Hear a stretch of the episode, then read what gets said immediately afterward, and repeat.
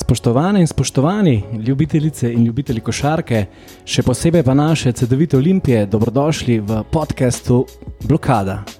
Danes je prav posebna epizoda, kaj ti stilcem gostujeva tam, kjer bi si vsak velik navijač želel in sicer v zgornjih prostorih. Arene Stožice. Tako in gost je eden in edini, mislim, da za vse navijače zelo dobro poznan športni direktor Sani Bečirovič. Sani, pozdravljen. Pozdravljena.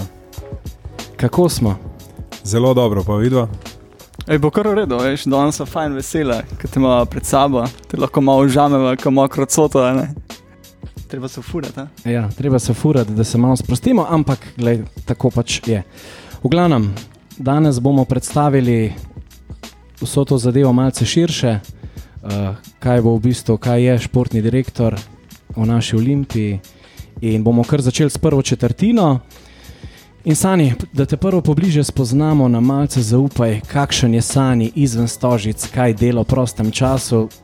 Verjamem, da ga niti nima veliko, ampak vseeno. Kako se odklopiš od koferke?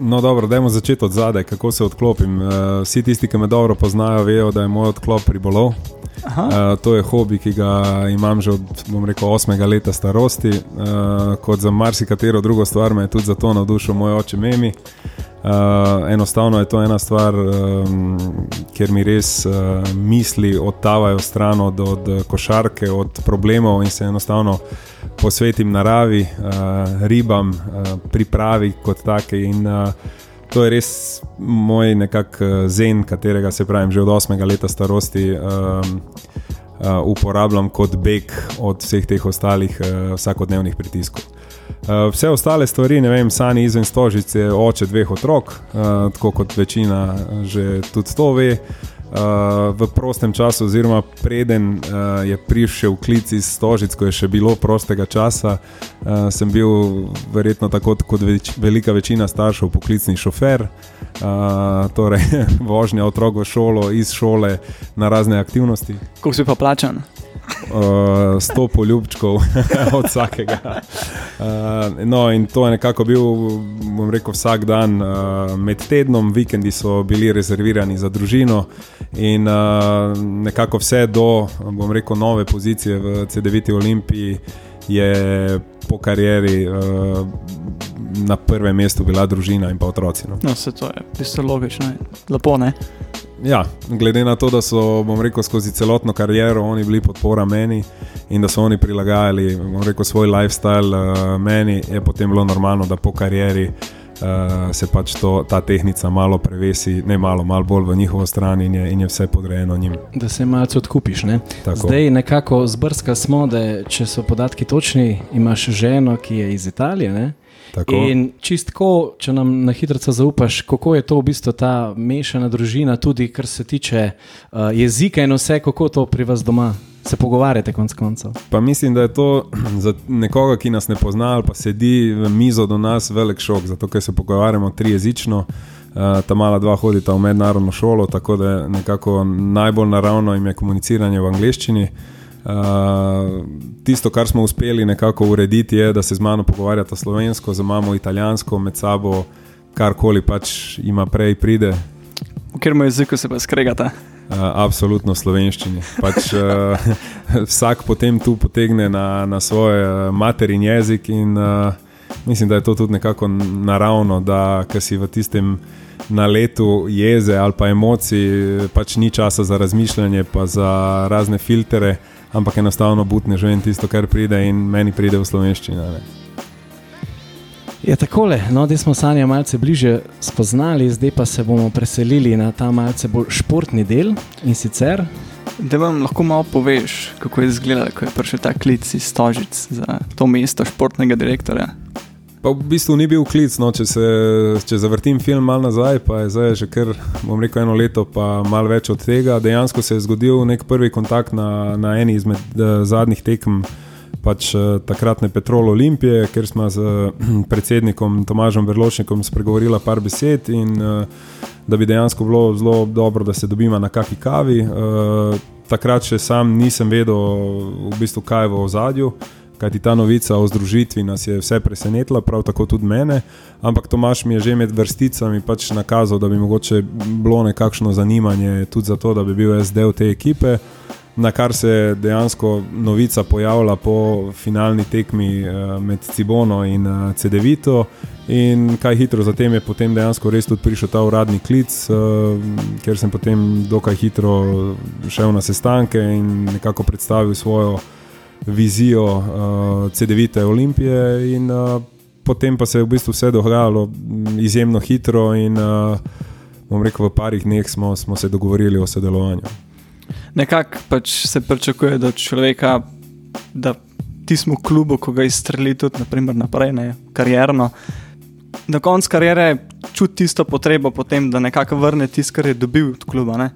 In zdaj, če nam tudi poveš, kakšen izziv ti ta pač vloga predstavlja. Pa mislim, moram se strinjati s tabo, Tilen, absolutno. Pač, ko je prišel ta klic, to je, mislim, da vse za, za nas, košarkarske navijače, privržence, je to dream job. Ravno zaradi tega, ker eh, sam sem imel srečo, da sem nekako tudi skozi mojo košarkarsko šolo.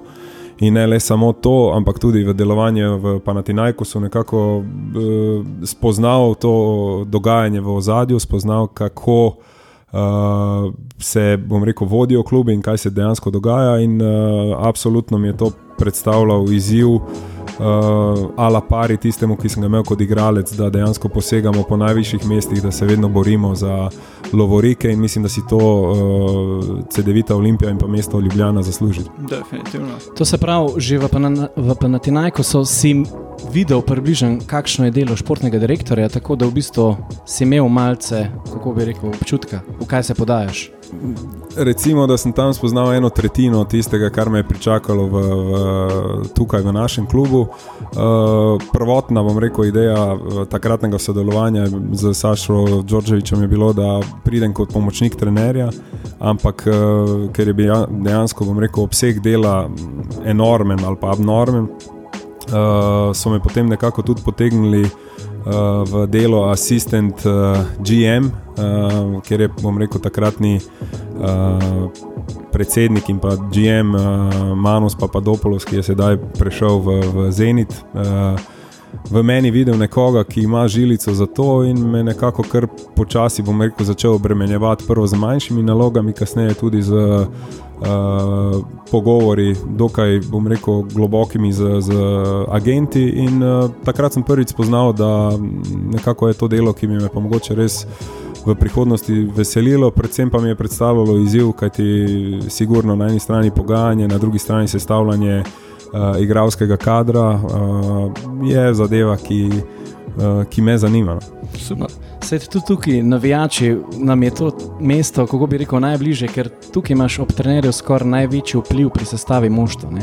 Zdaj pa, če nam lahko malce zaupaš, kakšno je to sploh delo športnega direktorja, kaj to v bistvu pomeni, kakšno vlogo imaš. Mislim, da glede na to, da sem tip človeka, ki ima rad zadeve po predalčkane, bi vam najlažje razložil, če govorimo o šestih predalih. Torej, uh, definitivno en predal zauzema pač upravni odbor in pa direktora Užbinca, uh, kateremu vsekakor polagam račune in je vse v navezi z njim. Uh, drugi predal bi bil potem trener in trenerski štab in vse, kar se dogaja glede prve ekipe. Uh, predal naprej bi potem bili agenti, pogajanje z igravci, pogovori z igravci in tako dalje. Če grem naprej, bi bil potem uh, odnos z javnostjo, uh, intervjuji, novinari, PR-stvo, navijači in tako dalje. Torej ta segment, ki je uh, prav tako pomemben, da veš, kaj se dogaja uh, pred tvojim pragom. Uh, v to bom rekel, nekako še lahko vržemo dogajanje na sami tržnici, uh, kaj se dogaja po, po Evropi, po svetu z igravci. Uh, In pa potem nadalje so tu še pač mlajše selekcije, ne, katere so prav tako pomembne. In pa če damo še en predalček zraven, pa tu spada potem pa vse ostalo, ki pa je sama organizacija, logistika, uh, lik, uh, priprav in tako dalje. Tud, uh, enostavno govorimo res o, o full-time jobu. No, pa zdaj, ko smo že omenili večkrat prej tvojo vlogo, pa na Tinajku. Um, naj zanima, oziroma tudi poslušalce zanima, tukaj je ta prvo vprašanje poslušalca. Uh, kakšna je razlika v tem delovanju kluba in če smo glede organizacije uh, blizu? Uh, mislim, da bo zdaj to šok uh, za vse poslušalce. Mislim, da smo v bistvu ala pari, oziroma v nekaterih segmentih še, še naprej. Uh, razlika, osnovna razlika je v tem, da v Panatenajkosu pač imaš enega lasnika in je mogoče zaradi tega bilo uh, v nekaterih zadevah mogoče malo lažje komunicirati.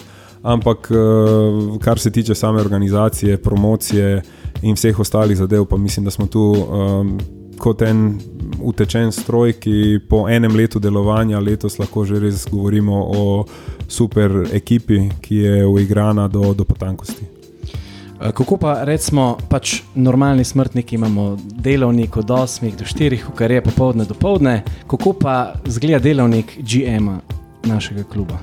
Uh, Časovno in tako. Mislim, moje delo zgleda pač odvisno tudi uh, v kateri fazi smo. Dejansko, recimo, da sem najbolj obremenjen od konca maja do začetka. Uh, Priprav ali pa začetka off sezone, off-season, tako takrat je to 24-7. Uh, za razliko od medsezone je takrat res uh, norišnica, uh, zato ker ravno te, bom rekel, uh, klici agentov, igralcev, skavtov in pa vsega tega uh, marketinga, pa, pa mreže, ki sem jo gradil leta in leta, se takrat aktivira v, v, v, v popolnosti. In tu ni delovnega časa, zato ker enostavno z američani se pogovarjamo po noči uh, z evropejci pač normalno komuniciramo po dnevi. In uh, to je, bom rekel, res tisti del, ki je najbolj stresen v, v opisu mojega dela. Potem, enkrat, ko se začne uh, sezona ali priprave, je urnik uh, dost, bom rekel, bolj umirjen. Zato, da v bistvu iz uh, telefona spiš med oči. Absolutno, absolutno, to pa ja. Telefon... Spiš od 8 do 12, če znam. Ne? Ja, ja, ja ne, spanje v, v, bom rekel, poletnih časih je tako omejeno na 4-5 ur. No, enostavno, tudi uh, srečo imam, da ne rabim dosti spanja, tako da mi ne predstavlja to večji izziv.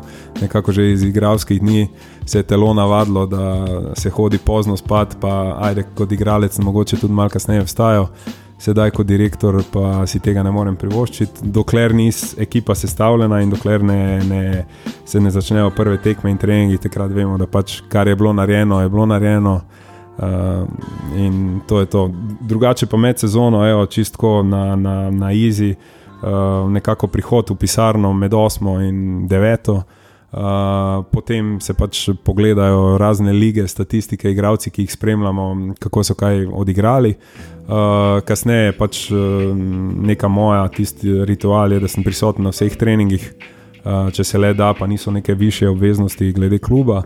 Uh, popovdne normalno kosilo. Uh, Kakšno delo od doma ali pa klici, in pa zvečer še enkrat z ekipo, uh, konstantno, normalno kontakt s trenerjem, uh, Uh, in to je, bom rekel, v sezoni nekako moj, moj uh, delovnik. Ne. To se pravi, če bo Olimpija potrebovala 13-14 igralcev, je Sani še zmerno voljo. Uh, absolutno. Recimo, da je to bilo tudi eden izmed del, ki sem jih upravljal, pa ne znaj, ko so takrat je bilo takoj po, se, po zaključeni igralski karieri, pa je bilo malo lažje, zdaj pa bi, zdaj pa bi verjetno rabo kakšne tri mesece. Priprav. Priprav pa diet, da, da bi se lahko udeležil treninga, mogoče. Da mi pa še meni povej, zdaj, kje se ti vidiš nekaj čez 50 let, oziroma kako bi zaenkrat še prej to, kako bi cenil svoj del. Pa mislim, kje se vidim. Ne rad uh, govorim o tem, kje se vidim čez pet ali spoh pa ne čez deset let. To je mm, absolutno predaleč. Uh, kjer se vidim, se vidim v, v tem projektu. Pač to je res uh, stvar, ki za mene osebno predstavlja uh, ogromen izziv uh, in mislim, da bomo v naslednjih letih nekako tudi priča nekaterim uh, napredkom in popravkom v, v, v samem tem projektu. Ne. Evo, spoštovani poslušalci, zdaj bo pa na vrsti druga četrtina, v kateri bomo na hitro malce preleteli preteklo sezono, ki je bila, kako bi rekel, bomo slišali od našega GM-a, je uspešna, tudi turbulentna ja. po eni strani. To se pravi, če začnemo iz samo sestavo ekipe. Pač prišlo je do združitve, konc koncev zelo hitro je bilo treba igralce skupaj dati. Imeli ste igralce iz Zagreba, Ljubljanske, iz pač Petrol Olimpije in kako ste v bistvu to pohendlali? No? Pa, eh, to je bil naj, najtežji del lanske sezone, zato ker smo v izjemno kratkem času, torej, eh, sestavili smo se 5. julija, 7. julija. Uh, začetek priprav smo imeli planirani 5. augusta. Uh, ekipa je takrat na papirju imela uh, 16 podpisanih igralcev, od katerih so bili uh, samo trije, ki so bili zanimivi za naš projekt in pa trenerja Rinca. Uh, Uh, in še enkrat, tisto, kar nam je lani uspelo v, v manjku mestu dni, je, je malte ne pač. Uh, ne vem, ena mala zmaga ali pa uh, čudo, ne vem, kako bi rekel.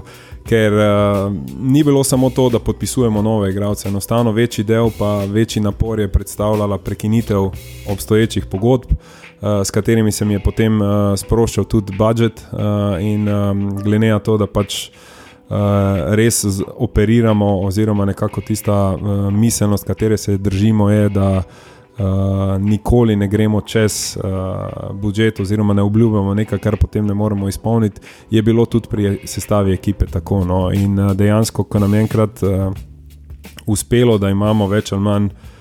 Pokrite vse pozicije, je potem bilo mogoče malo lažje dihati.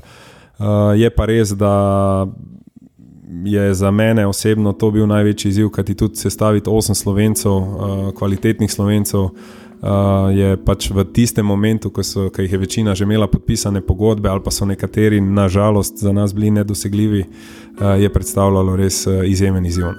No, ko smo že dlih pri tej sestavi, kripte, ne, da se večkrat še zaletimo te igralne pozicije vse, je vse full fine zgledalo, ampak nekako se je tekom sezone pokazalo, da mogoče pa centralska linija imela malo problemov tekom sezone, saj tako sem videl. Um, vse, recimo, da nekako tisto, kar je bila uh, začetna ideja in to je bila, da bo Hopkins uh, igral in na 4 in na 5. Uh, smo mogoče v nekem trenutku prehitro reagirali, še posebej zaradi tega, ker se je Stepanoviču zgodila ena poškodba, uh, katera bi ga lahko oddaljila, bom rekel, od parketa za dlje časa. Na koncu, ali pa na srečo, se je potem izkazalo, da le ne gre za to hudo poškodbo. Uh, smo reagirali z, z Zirpsom, uh, ki je, bom rekel, prišel v dosti, dosti slabšem stanju, kot smo pričakovali. Uh, Mike je sicer potem, uh, bom rekel, bil profesionalec od glave do pete, ampak uh, nekako je to kar pustilo ta nepripravljenost začetna je kar postilo neke posledice, uh, bom rekel, malo daljše, ki so, se, ki so se potem ja, tudi uh, odražale v njegovi igri. Ko smo se zdaj, lih, eh, smo se ustavili na tej centralni poziciji, ko si jih Hopkins omenil, pač osebno mnenje je, da je ta en izmed večjih stilov off-season lanske sezone. Absolutno, tudi moje mnenje je takšno, kaj ti hopa, uh, sem spremljal že pred lansko sezono, potem lani, lani, oziroma sezono prednje prišel k nam, je zelo uspešno nastopal z Mirkom Laličem in tudi uh, Mire je imel o njem same pohvalne besede. Gre za izjemno inteligentnega fanta, uh, dober količ. Uh, in dejansko res mislim, da nam je za njim uspel uh, tisto zadetek v polno. To je to, mislim, da bomo hopa, upamo, če čim dalj v stožice gledali. Zdaj pa me zanima tvoje osebno mnenje, kakšna je bila pač pretekla sezona do marca, kako je bilo. No? Uspešna, neuspešna, tle pa na to gledamo. Mislim, da ne morem biti objektiven pri tem odgovoru, ne? ampak če nekako potegnemo črto, mislim, da glede na vse, kar sem ravno kar omenil, uh, na okoliščine, ki so nam bile dane, mislim, da lahko govorimo o, o uspešni sezoni. Uh, zakaj? Uh, predvsem zaradi tega, ker smo v Abu Leiji v 20 kol krojili sam vrh Abu Leige. Uh, jaz vem, da vsi vi, navijači, prav tako tudi mi, si želimo, da bi v, v enem letu bili prvaki Abu Leige, da bi osvojili Eurocup in uh, da bi ne, enostavno že jutri igrali Euroligo. Nažalost, vsi vemo, da v športu temu ni tako in da je za to potreben čas. Uh, sigurno so se zgodile nekatere napake, uh, nekateri, bom rekel, uh, prehitri zaključki ali pa prehitre reakcije, ki so potem privedle tudi do nekaterih. Uh, rekel, manjših kriz. Ampak eh, še enkrat, če potegnem črto, eh, tisto, kar je bil glavni cilj, to je, bil, to je bila Abu Leiga in uvrstitev v ta uh, Final Four, nam je nekako vedno bil prvotni cilj, smo se ga držali vse do konca. Tudi osebno, jaz, ko se je začela sezona, sem isto jaz rekel, da če bo za začetek Olimpija prišla v Final Four Abu Leige, bo za me to zelo velik uspeh. Pač tudi na koncu je ni čisto sigurno zgleda, ker mislim, da je bilo tako, da bi lahko bil ta pravi splet okoliščin in rezultatov. težko bi bilo pač iz mega pa te stvari. Pa pustimo zdaj to. Ne. Če bi izpostavil eno stvar 2019-2020, ki bi jo lahko spremenil, kaj bi to bilo? Mislim, tu moram biti iskren s tabo, Tilen. Nisem ti posebej, ki se rad eh, obrača nazaj in reče: Joj, če bi to lahko spremenil, bi spremenil oziroma naredil tako. Enostavno, bile so sprejete odločitve, za temi odločitvami stojim. Uh, bom rekel, v veliki meri pač je uh, ta odgovornost moja, ampak uh, da bi zdaj karkoli spremenil, se mi zdi mm, nesmiselno. Ne? Čisto realno povedano, mislim, da še enkrat pravim, da temelji uh, za letošnjo sezono so bili že lani postavljeni uh, v veliki meri, še posebej s prihodom Golemca. Smo dobili uh, trenerja uh, na, na dolgi rok, mislim, da enega najbolj obetavnih uh, na področju, bom rekel, bivše Jugoslavije. In uh, to je bilo tisto primarno uh, v neki moji viziji, torej, da imamo nekoga, s katerim lahko rastemo, in pa on z nami. Uh, igravci, prav tako igralske pozicije, tako kot si sam dejal, recimo Hopkins je eden tistim, s katerimi smo podaljšali sodelovanje. Kapetan Blažič je ostajal v Ljubljani še dve leti, pa da jih zdaj ne naštevam.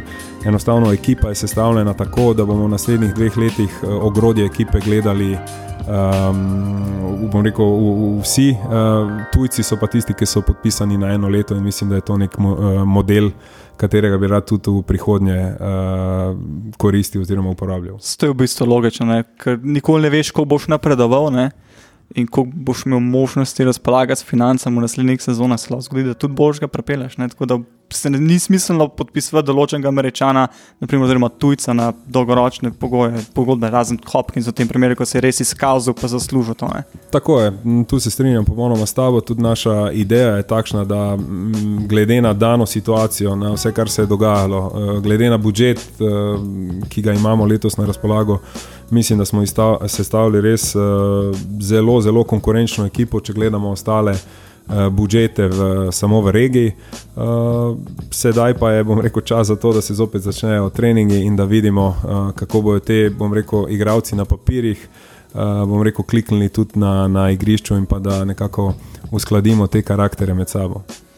No, evo, to je bilo to, kar smo dejansko lahko pokomentirali še za preteklo sezono, zdaj pa v tretji četrtini bomo pa malce pokomentirali to nastalo situacijo, ki se je, bom rekel, tam okoli marca začela in sicer prvo ta COVID-19, ki je prišel.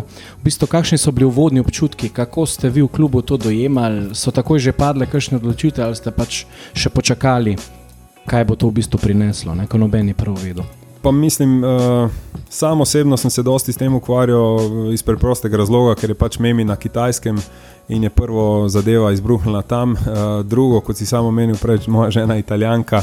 Zopet tam je izbruhnilo, in nekako sem bil res uh, prisiljen. prisiljen, da sem neposredno zelo, zelo upleten v samo zadevo. Ne? In tudi potem, ko se je COVID pojavil v Sloveniji, uh, nekako nismo izmišljali tople vode. Enostavno smo videli, kakšni so vzorci, kaj prenese. Uh, ta uh, pandemija s seboj, in nekako logično je bilo, da, uh, da se odločimo za poteze, katere smo potem tudi uh, naredili. Se je bil, mislim, da tudi en dogodek, ko je Jace Havol imel trening in so imeli uh, neko kužbo, in v tistem momentu je bilo potrebno tudi vse zaustaviti na hitro. Uh, ja, mislim, da je to še zgodilo, še bom rekel, dokaj zgodaj, ampak enostavno že v naših uh, razmišljanjih je bilo, da eno, bo potrebno prekiniti. Uh, noben ni vedel, za koliko časa. Enostavno, zopet, če pogledamo vzorce, ki so se dogajali pred Slovenijo, je vedno bilo minimalno mesec dni. Eh, če damo to na papir, da smo bili že v zaključku sezone, je bilo iluzorno pričakovati, da se bo sezona sploh nadaljevala, oziroma da bi se playoff eh, lahko odigral. Eh, tako da bom rekel, enostavno smo potem začeli razmišljati že kar vnaprej, oziroma mogoče mm, v samem štartu smo bili tudi. Uh, nekoliko kritizirani strani javnosti in pa vseh ostalih, da nekatere poteze vlečemo prehitro, ampak na koncu se je izkazalo, da uh, smo s to korajžo, ki smo jo pokazali, mogoče imeli še najbolj prav. Se, pač jaz sem tako rekel, da so bile te prekinite pogodb. Iz Krušlina, Stepanovičem, pa Zirbesom, to je bila zelo pametna odločitev. Ker če smo tisto, ki je spremljal situacijo s korono, je videl, da to ne bo šlo stran v tednu dni ne? in to je bila res pametna odločitev. Tako ja. je, mislim, eh, pametno ali ne pametno, mi smo gledali pač korak naprej, da enostavno smo si želeli uh, počistiti, uh, bom rekel, igralski kader na pozicijah, na katerih smo že imeli uh, nekatere ideje. Uh, In uh, sam osebno se nisem hotel znajti v, v situaciji, kjer bi čakal vse do zadnjega, da bi zopet moral potem poleti na vrat na nos iskati uh, rešitve. Tako da uh, tudi igravcem se moram zahvaliti za, za izredno profesionalno odnos in pa za njihovo razumevanje, kajti uh, ne samo trije omenjeni, ampak vsi igravci so lani pokazali veliko mero človeštva, tako bom rekel. Eh, razuma. razuma in pa ja, velikodušnosti, kajti vsi so se zavedali, da gre za višjo silo, da gre za nekaj, kar nima veze z klubom, z športom. In um, še enkrat ob tej priliki pač zahvala vsem. No, jaz sem bil zelo vesel, da smo končno Slovenci oziroma Olimpija, da je tukaj nek grdi raček, ki je šla svojo pot. Se mi zdi, da je skoraj edina v Abu Leiji, ki se je odločila za to in da smo tudi mi en redkih, ki smo profitirali. Pač iz te neljube situacije. No. Me pa predvsem zanima potem takem. Ker še en mesec, pa pol potem, se je pač začeli ti prvi treningi, da so pač in uh, igravci zopet prišli v dvorane. In me pa zanima, uh, vemo pač, da so bili štiri članski igravci že na treningih, pa ker so pač mi dva tudi malo bolj firpčne narave, lahko kakšne konkretne imena od mladih uh, izvemo, kdo so bili točno prisotni, ker za medije mogoče ni tako zanimivo kot za najdvo. Oziroma... Dobro, za košarkarske navdušence so vedno bolj zanimive te male, uh, bom rekel, skrivnosti. Uh, recimo najbolj zanimivo verjetno je to, da smo v, v, v tem periodu sedmih tednov priključili k prvi ekipi uh, Boruta Fižavža, torej trenerja naše mladinske uh, ekipe in pa mladih, uh, kateri je potem nekako v sodelovanju z Golemcem videl, kaj pravzaprav želimo in kakšne je nekako vizija kluba. Uh, zraven njega so bili priključeni od mladih igralcev Malovčič, uh, Jurkovič, Crkvenik, uh, v začetni fazi mislim, da tudi Kim Klaužar. Uh, je veliko bilo. Ja, mislim, da jih je bilo kar, kar precej. No. Tudi uh, uh, Duščak se je, bom rekel, udeležil, pa ne udeležil zaradi njegovega statusa z Real Madridom. Sitnikov, uh, uh, Sitnikov ne, nažalost je ego eden tistih igralcev, ki so ravno. Ob razglasitvi pandemije odšli Aha. nazaj domov in se še vedno trudimo, da ga vrnemo v, v Slovenijo. Um, enostavno mislim, da so bili pravzaprav vsi uh, mladi igravci, torej govorimo sedem njih uh, prisotni. Uh, on and off na, na, na članskem treningu, in da mi je to tudi ogromno koristilo za, za naprej. Ne. Pa tudi Golemac je ob tem dubu pogled, v bistvu, kakšen material imamo v mladinskih selekcijah. Ne. Mislim, to je model dela, ki ga bomo uporabljali v prihodnje. Torej, po vsakem, bom rekel, končani sezoni uh, se bodo članski igravci nekako. Uh, odpočili teden ali dva, in potem bomo še naknadno delovali tri do štiri tedne, uh, za ta mladimi še pa posebej. Se to je ta specialiteta Jurice, ne? da zelo rada dela tudi po koncu sezone. Absolutno, pač Jurica je deloholik uh, po naravi, uh, ne more brez dvorane. Uh, in, uh, To je še ena tista dodana vrednost, ne samo pač rekel, njega kot trenera, ampak njega kot človeka, ker enostavno, ko se loti projekta, ga hoče speljati v popolnosti in je temu tudi predan. Uh, bom rekel, 500-odstotno, tako da glede tega smo dosti kompatibilna in eh, mislim pa, da so tudi uh, fantje in ne samo mladi, ampak tudi člani uh, spoznali, koliko uh, se da napredovati v tem off-seasonu in koliko teh pomankljajev lahko odpravijo uh, na tak način, ki smo, smo delovali sedem uh, tednov. Je bil mogoče še kakšen tudi igralec, ki ni bil pod pogodbo pri Olimpiji eh, na kakšnem treningu? Na preizkušnji. Na rabimo konkretno imenih, ampak je. Trznimo v osih, ne znam. Je, je, pač. Uh, recimo, da, recimo, da zdaj podira rekorde v NBA-ju in uh, je bil prisoten pač, LD7. Uh, večkrat v dvorani Stožice. Zakaj? Zato, ker pač, um, imeli smo dvakrat na teden odprte treninge, uh, pick-up games oziroma skrimidže.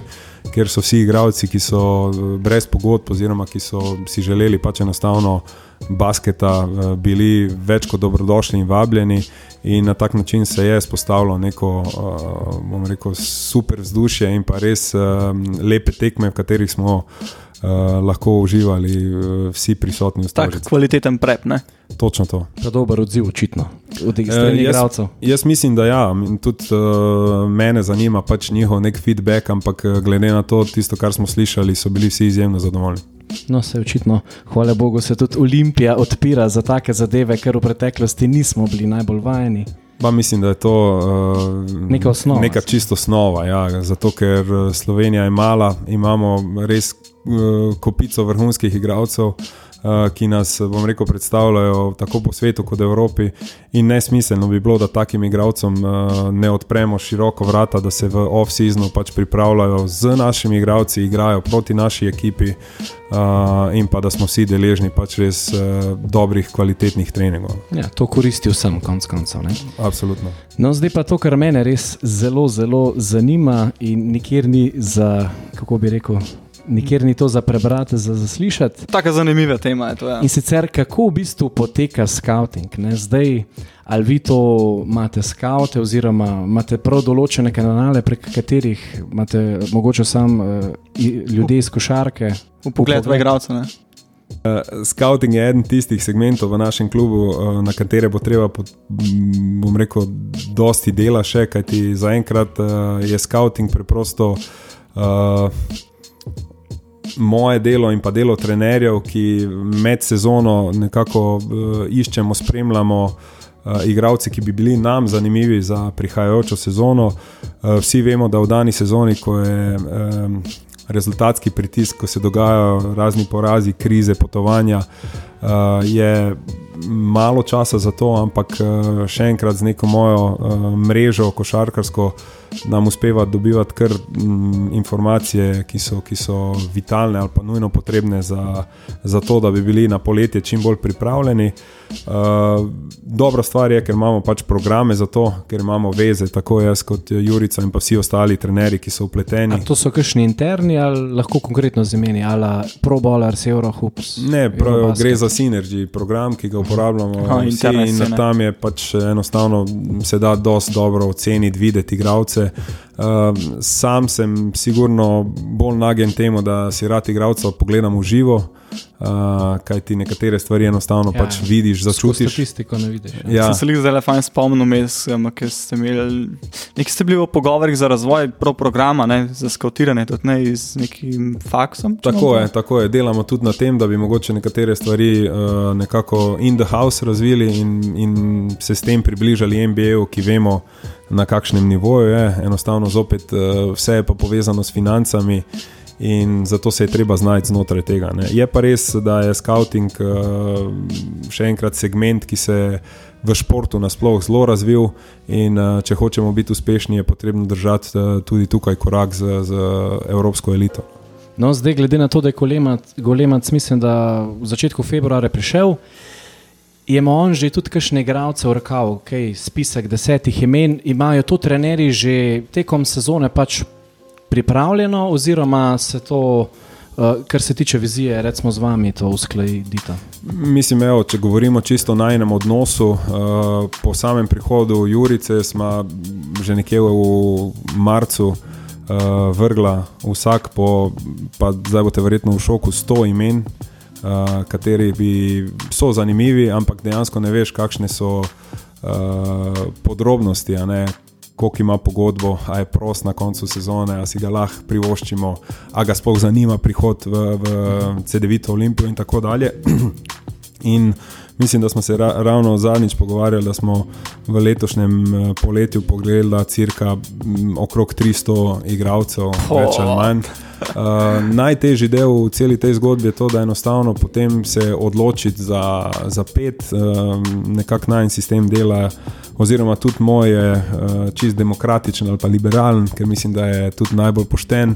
Uh, Robert, ti daj pet imen, Tilen, ti daj pet imen, jaz bom dal pet. In če se na tistem spisku najde eno ime, ki nam je vsem trem všeč, dajmo se poglobiti v tega igralca, uh, videti, kaj so dobre lastnosti, kaj so slabe lastnosti, in uh, potem predebatirati o tem. Uh, dejansko pač se pravim, na našem spisku je bilo kar precej igralcev, ki uh, niso imeli uh, potem pregledu ozadja, nekakšen karakter ali pa tisto lakoto, ki je v mojih mislih uh, nujno potrebna ali pa osnova, da bi nekdo bil uspešen, in smo jih zaradi tega potem enostavno črtali za liste in šli dalje. Ja, pa imaš kakšno ligo tako zanimivo, ki je bila tebi še posebej pri srcu, oziroma ki ti je vedno pri srcu jo skautati?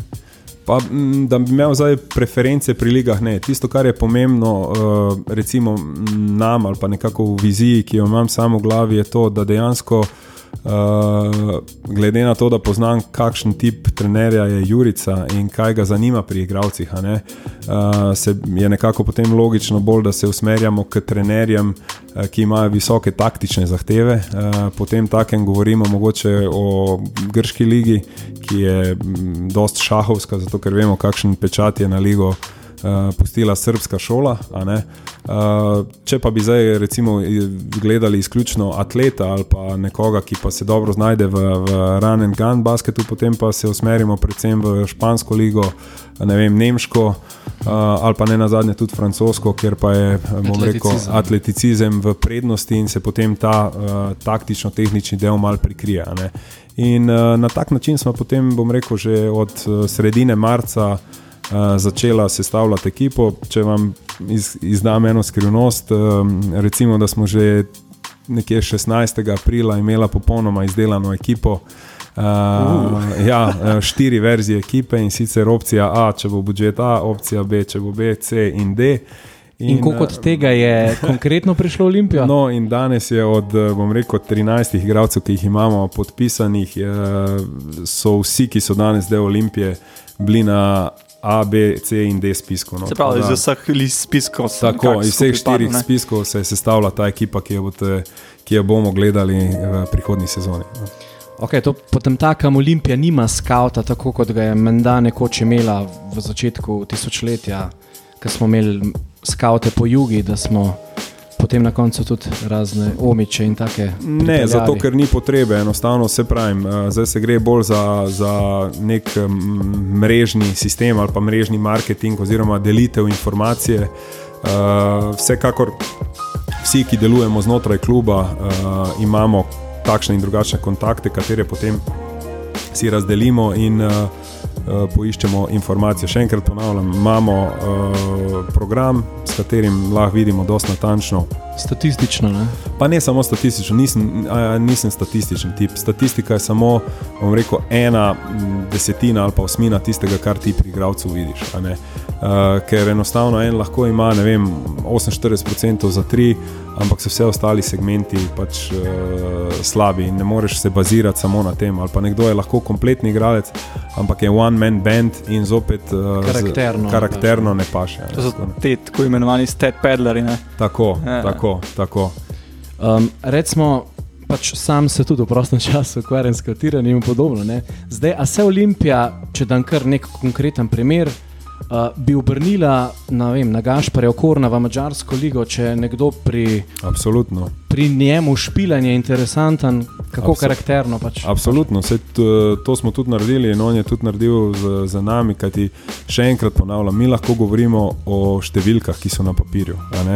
Mi lahko na zadnje govorimo o videu, ki ga jaz interpretiram drugače kot ti. Ja, Ampak uh, tisto, kar je osnova uh, dobrega kolektiva, so pa odnosi, ljudski odnosi. Govorimo o odraslih uh, ljudeh, ki ima vsak od njih nekakšne vzorce, ki ima vsak od njih nekakšne zahteve in pa, uh, bom rekel, videnje sebe do drugih in pa kako, kako bi on si želel biti tretiran. In uh, mogoče, vem, tisto, kar sem se najbolj naučil v igranju velikih ekip, je to, da mi moramo igralcem ponuditi uh, nekako družino, moramo jim ponuditi uh, okolje, v katerem se bodo oni počutili izredno, izredno dobro, kjer se bodo počutili v prvi vrsti spoštovani kot ljudje.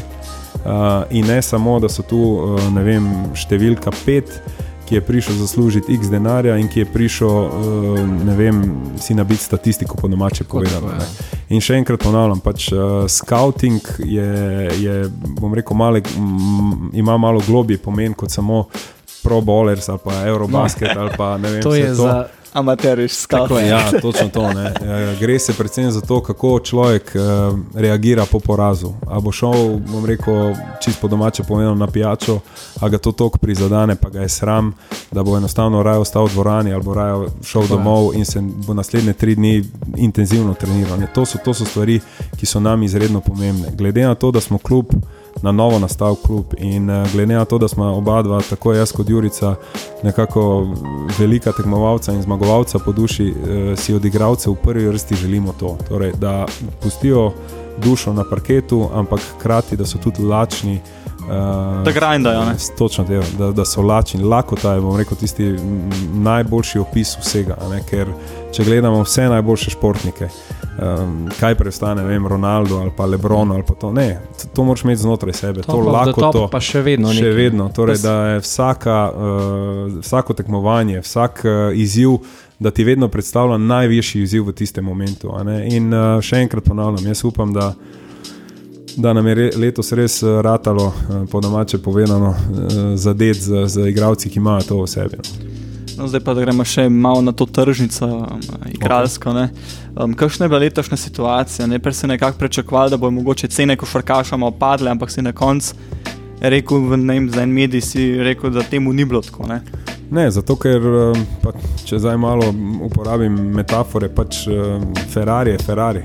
In uh, vsi ti igravci vedo, da ne glede na to, da je, bom rekel, market uh, ali pa gospodarstvo v krizi, da je svetovno kot gospodarstvo kot tako se sesulo se enostavno za uh, top igralce to ni zgodilo.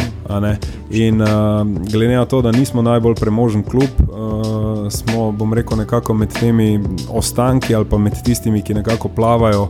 Uh, med prebojem, torej, ki imajo potencial, da postanejo top uh, igralci v, v Evropi, pa Euroligi ali pa mogoče v NBA, uh, smo nekako iskali pač, uh, svoje igralce in tako kot sem prej dejal, imeli neke zahteve, uh, karakterno, uh, ter jih potem, bom rekel, skušali izvabiti v naše vrste. Če tako pogledamo, ne, potem imajo taki klubi kot smo mi. Še posebej težji del pri tem, ne? ker Real Madrid, naprimer, ko odprejo denarnice na harmoniko, reče, da ga hoče imeti in ga kupijo. Klej moraš pa dejansko ta dober scouting izvesti, da ni ta zga rizika in da veš, da z njim nekaj bo. Ne? Mislim, če čisto poenostavimo zadevo, ne, uh, kako bi, recimo, vidva, ki sta iz tega foha pač razdelila uh, tale scouting na kok plasti. Evo, čisto realno. Ja. Predvidevam, da najprej imaš nekoga v glavi, ko ti je zanimiv, pa jih začneš pisati, pisati, pisati. pisati, pisati. Potem pa zač, počasi začneš informacije zbirati od njih bolj globje. In potem iz 50, naprimer, 25 stane, ne? potem pač v Olimpiji se tega, po mojem, ne moreš prvošiti, ko greš dejansko v ligo gledati. Ne? Nekateri grejo potem gledati, imaš Real Madrid, ko za Estonijo talenta prpele, ga sploh prvi slišiš za njega, če tako rečeš.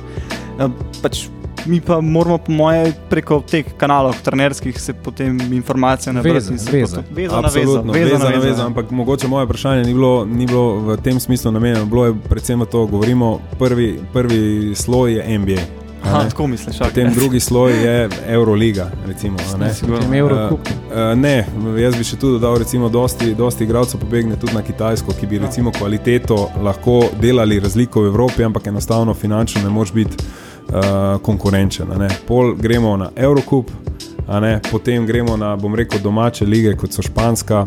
Um, razno razni močni ruski klubi, pa turški. Pa turški, tako in potem smo šele v nekem klobučku ali pa ne vem, eh, predalčku mi.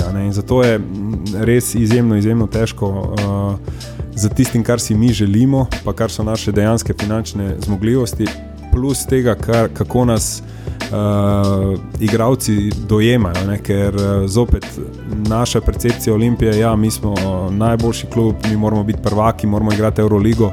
Nažalost, zadnjih deset let nam ne gre v prid. In ko se ti po, po, po, pogovarjaš tako z igravci kot agenti, si sedaj nekako počasi zopet želijo uh, sodelovanja, močno, CD-vito Olimpijo, da bi zopet talenti rasli v, v državi. Uh, ampak zopet to je proces, ki ga ne moremo uh, čez noč obrniti in ne moremo izbrisati zadnjih deset let, ko enostavno nismo bili uh, večji faktor na, na evropski sceni, oziroma tudi v regiji. Ne. Smo se kar nekako izgubili, ja, zdaj je Olimpija v bistvu postala odskočna deska, ni zdaj kako bi rekel, končno postaje. Ne? Točno to, točno to. In če pa govoriš o odskočni deski, pa se moramo vrniti nazaj, ne vem, 10 ali pa 15 let, ko so američani prihajali v Belgijo ali pa v Francijo ali pa v druge italijanske lige in so se skozi te klube, bom rekel, nekako pozicionirali, pozicionirali in postavljali na mapo. In, uh, mi pa nočemo biti ta klub, ne? to sem prej omenil. Torej, mi hočemo res, da se zopet uh, govori o zmagovanju, uh, da se govori o borbi po najvišjih lovorikah. Hkrati pa vsekakor se moramo posvetiti razvoju, kajti dolgoročnost. Dolgoročnost, tako finančno, ne moramo biti uh, kompetitivni z, z ostalimi evropskimi velikani. No, da ima pa še eno vprašanje, ker se skautinga tiče. Ne? Zdaj ti agenti, kako to poteka? Dejansko agenti tebe kličejo in ponujajo igralce. Uh, za nekatere tudi slišimo, da če je mogoče Olimpija, si želi nekoga, mora še skoraj nekoga zraven vzeti, če hoče nekega igralca. No, to so pač te mutna posla, kot temu pravimo, radi rečemo. mogoče niso mutna posla, ampak deja, eh, recimo, da je šport postal že taki biznis, ja, tržnica, da, da je tržnica. Ja, da je enostavno vsak uh, agent normalno uh, hoče največ iztržiti uh, in, in bom rekel, plasirati igralce. In ja, pojavljajo se tudi takšne ponudbe, da dejansko, če jaz želim igralca, da potem prideš zraven, ja, ampak zakaj ne bi vzel še tega? Oziroma, lahko ti dam tega po tej ceni, če bo vzel še tega.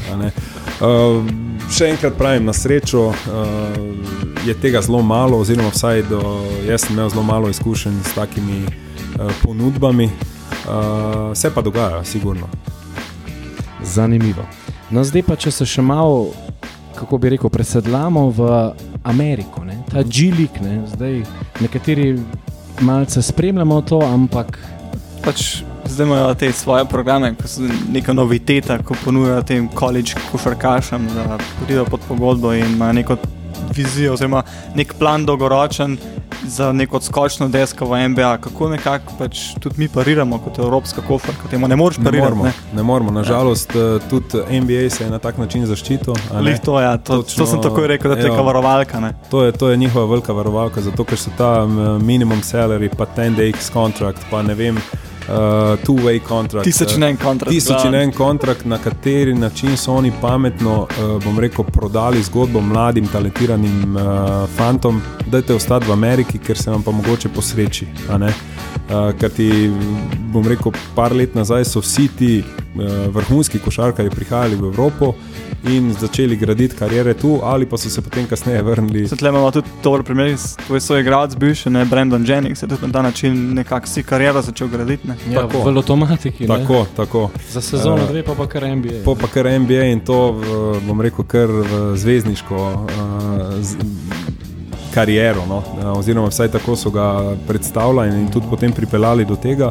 Ampak, če se dotaknem ravno te G-League, Uh, enostavno tudi nam je zdaj zelo težko parirati finančno, uh, zato ker je G-League res z temi pogodbami in z temi minimalnimi plačami uh, uh, naredila ravno tisto, kar, uh, kar smo se vsi uh, bali na dolgi rok, to pa je, da zadržuje igralce, ki bi bili potencialno zanimivi za evropske klube čez lužo. In cenovno dostopni. Ne? In cenovno dostopni, tako. Ampak uh, oni se pa sedaj postavljajo na tak način, da pravijo: Glej, zakaj bi jaz prišel v Evropo, če imam to doma? Torej, ti moraš avtomatsko ponuditi nekaj več. Uh, ok, ko ponudiš nekaj več, pa pravi, ja, kaj, to pa ni dovolj, uh, zato ker če grem jaz v Evropo, izgubim možnost preboja v NBA. Ne. In uh, dejansko so res nekako na, na zelo pameten način uh, uspeli za, in za malo denarja za njihov stroj zadržali tja, uh, tam kopico vrhunskih košarkarjev. Kaj še imaš pa mnenje o tem koledžu?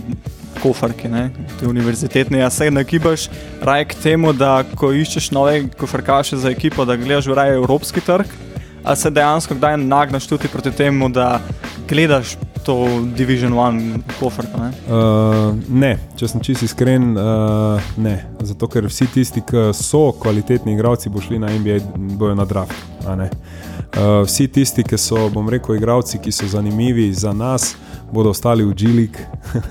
to je spet ta, ta to je spet stvar, točno to. In zopet pridemo do tiste, bom rekel, nekakšnega sita, uh, da enostavno mogoče skozi vse ta sistem lahko pade na leto tri ali pa pet vrhunskih igralcev, ki jih potem z nekimi vezami ali uh, kontakti lahko Mogoče vzameš, imaš, ne. no. Po drugi strani, uh, enostavno ne moreš kupiti izkušenj. a ne. In uh, zopet govorimo o dveh različnih športih. Košarka v Ameriki, košarka v Evropi sta Dan pa noč. Hruške pa to, hruške pa jabolke, dan pa noč in še bi lahko naštevali. In uh, glede na to, da je naš cilj zopet osvajanje, bitka za, za lovorike in tako dalje, uh, žal v, v takšnem sistemu ni prostora za, za Rukija. Najboljši primer je bil ravno Brandon Jennings, ki je bil res uh, super zvezdnik uh, high schoola, ne, ki je, ne vem, prednje prišel v avtomatiko, bo moral biti oh in sploh, ampak ko je prišel v Rim, um, se dečko ni znašel, ne vem, enih šest mesecev imel resne težave. od a ne. Igre odraslih. Tako, tako Ja. enostavno ti prideš v svet profesionalizma, v svet uh, krutosti, kjer te noben ne dojema kot, ah, ti si pa zdaj nek projekt, ja, za nekoga čez lužo. Ja, Tukaj to, ja. se moraš dokazati prvo na treningu. Proti vem, Ibrahimu Džaberu, proti uh, Džakopu Džaketi, uh, Sani Bečirovič. In vsi smo mi njega dojemali kot nekoga, ki enostavno mi jemlje minute, mi jemlje kruh za mojo družino. In tega pa oni tam niso navajeni, zato ker na koledžu si le nekako znotraj neke zibelke, tako v vati. In uh, je to velik, velik šok za njih. Predvsem pa tudi trenerji so tukaj čist drug sistem, ne? malo bolj temperamentno, ne tako. Absolutno, pri nam je vsaka tekma življenja ali smrt, uh, vsak trening je pri nam, bom rekel, dosti bolj intenziven, tudi uh, dosti večja obraba materijala, na koncu koncev, ne da smo si na jasnem. Dejansko si moraš izboriti, da igraš, ne Tako. moreš grindati, kot smo že Tako, prej rekli. tako moraš, moraš si izboriti svoje mesto v ekipi, moraš si prislužiti prvo, uh, bom rekel, spoštovanje soigralcev, kasneje zaupanje trenerja. Uh, mogoče se pravi, mogoče delam tudi krivico v uh, koledžu zdaj v, v tem pogovoru, ampak enostavno mislim, da je razlika prevelika, uh, ko se enkrat gre za, bom rekel, igranje košarke, pa ko se gre za profesionalizem v Evropi. Člani pa mladinci. Tako, tako, tako. No, zdaj pa, če greva kar malce na zdajšnjo ekipo, ne? zdaj nekako nam bode v oči, da smo mogoče, vsaj poemensko, oziroma kadrovno na poziciji krilnega centra, tukaj najtanjši. Ne? Ampak zanimajo me, zakaj je taka odločitev in alternative. Ne? Zdaj vemo, da Jurica ima sistem tudi smallbola, tako da se pač hitro kaj zmanjša in pomakne. Mislim, če gledamo zdaj na sestavo ekipe, tako kot si sam dejal, ne vidim pomakljivosti na tej poziciji, zato ker um, Edo Murič je igralec, ki je v reprezentanci v, na Evropskem prvenstvu igral to pozicijo. Eh, Hopkins je lani dokazal, da je na poziciji 5 in 4 lahko uh, game changer. a ne. In uh, še, posebej, še posebej letos je Hop uh, celo poletje delal na tem šutu za 3.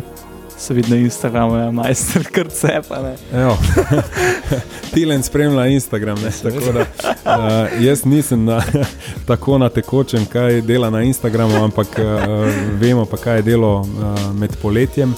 In uh, tudi na koncu koncev, sam si dejal, pač uh, Jurica se lahko prilagodi tako eni kot drugi situaciji. Uh, dejansko smo sestavo ekipe delali uh, ravno mm, na tak način, da lahko uspešno nastopamo tako v ABA ligi, kjer je en sistem košarke, oziroma ki se igra na, na en način, in pa potem tudi v Evropi, kjer pa se dosti bolj igra ta small ball in pa run and gun košarka.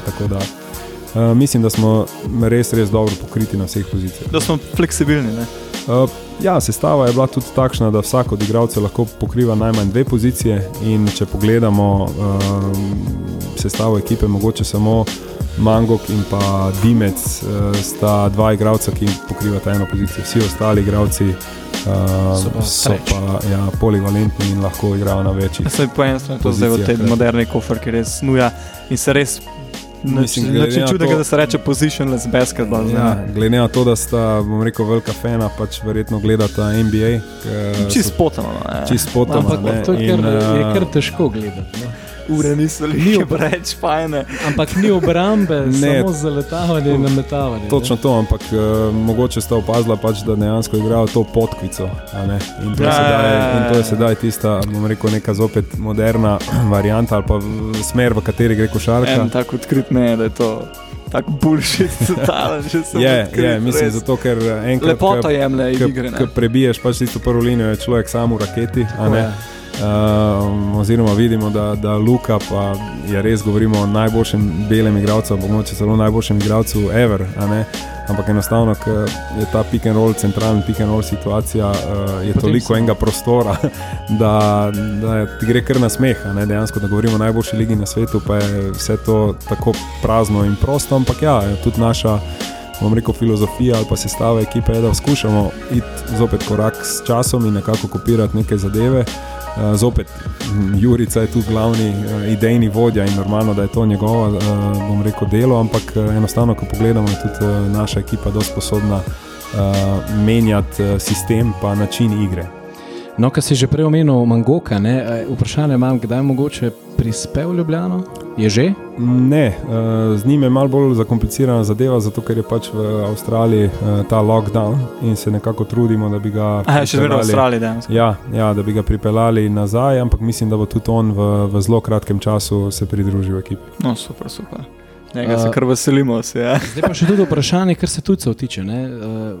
Feni smo kar malce bentili, ker so bili še vsi v Ameriki. Vemo, da je ta 14-dnevna karantena, ampak očitno temu ni tako za delavce. Ali kako? Tako je, mislim, uh, fantje, so, fantje so prišli v, v Slovenijo. Um, tu je velika zasluga pač, uh, vseh, ki so vpleteni v klubu in izven kluba, da so nam nekako uh, najdli najbolj idealno rešitev, uh, da se lahko igravci čim prej uh, priključijo pač treningom, kajti vsi vemo, kaj bi za igralca 14-dnevna karantena pomenila, glede na to, da so vsi res uh, in še enkrat pohvala vsem fantom, zavzeto trenirali skozi celotno poletje. Kaj bi ta 14-dnevna pauza pomenila za to njihovo delo in garanje, ki so ga upravili doma. Tako da uh, fanti so prišli negativni, upravili na poti iz Amerike do Slovenije praktično dva testa. No, to sem nekako pričakoval. Ja, ja, v kratkem času bodo upravili še enega, in potem, ko bodo v bistvu tretjič negativni, uh, se bodo najnormalnejši. Zeleno luč. Tako dobili zeleno luč in uh, potem lahko začnejo uh, normalno strening. Da se še dotaknemo te teme, mečkan. Čist na hiter, Martin Krampel.